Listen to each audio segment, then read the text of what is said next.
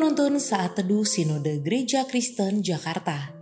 Senin 16 Mei 2022 Judul Renungan Allah yang Kudus. Diambil dari Nats Keluaran 20 ayat 19 Mereka berkata kepada Musa, Engkaulah berbicara dengan kami, maka kami akan mendengarkan. Tetapi janganlah Allah berbicara dengan kami, nanti kami mati ketika saya belajar tentang ibadah Israel kuno, pikiran saya membayangkan betapa kudusnya Allah sehingga umatnya sangat menghormatinya. Jika tidak taat, mereka akan mati. Sungguh kejam kedengarannya. Tapi itu semua untuk mengajarkan kepada umat Allah akan arti bertemu dengan Allah yang bukanlah pribadi yang sembarangan Tiba-tiba saya ingat akan suasana ibadah di beberapa gereja. Orang bebas untuk mengobrol, mengangkat telepon genggam saat ibadah, bahkan update status di akun media sosial. Allah seakan-akan tidak dihormati. Ketika Allah datang, bangsa Israel mulai takut dan tidak berani mendekat.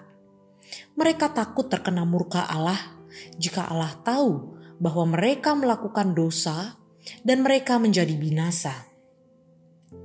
Musa sebagai hambanya menasihatkan kepada bangsa Israel agar mereka terus memiliki rasa takut akan Allah dan tidak berbuat dosa. Allah ingin bangsa Israel menghargai dan menghormati kekudusan Allah dan tidak sembarangan dalam menjalani kehidupan ini. Allah juga ingin orang percaya hari ini tetap menyadari Allah itu kudus dan layak menerima hormat dan kemuliaan. Takut akan Tuhan perlu dimiliki oleh setiap orang percaya.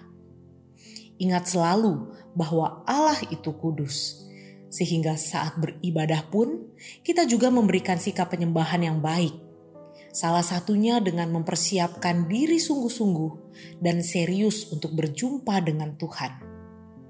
Dan yang terpenting adalah hati pikiran, dan kehendak kita perlu difokuskan hanya kepada Allah yang kudus. Saat datang ke rumah Tuhan, persembahkan sikap yang baik, sebab Dia adalah Allah yang kudus. Terpujilah nama Tuhan.